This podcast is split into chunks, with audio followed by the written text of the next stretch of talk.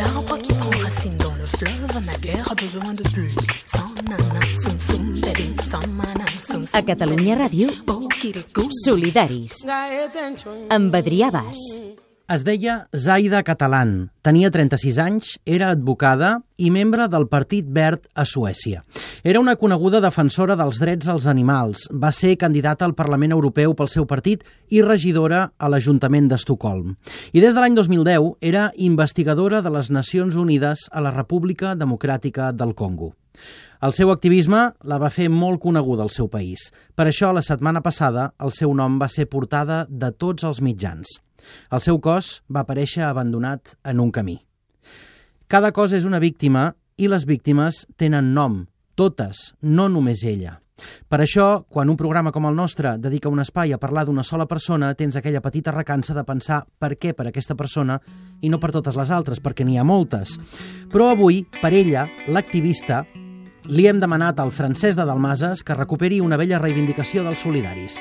Zaida Catalán, un nom del món possible. akamunke denye monka mundima akamundi denye monka munkiye denye mana wara nyadoma moyekela jon le dimfa Aquesta setmana hem sabut que el cos decapitat, trobat dimecres a prop de Kananga, al centre de la República Democràtica del Congo, és el de Zaida Catalán.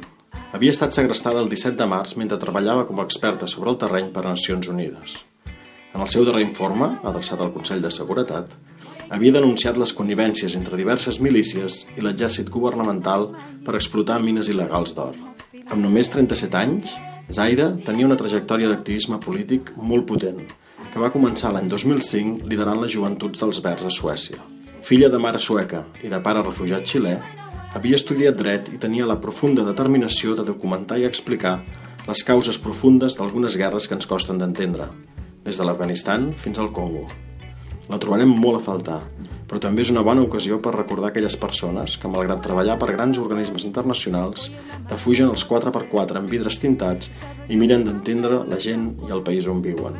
A la Zaida li va costar la vida, però ens ha deixat testimonis imprescindibles que cal valorar.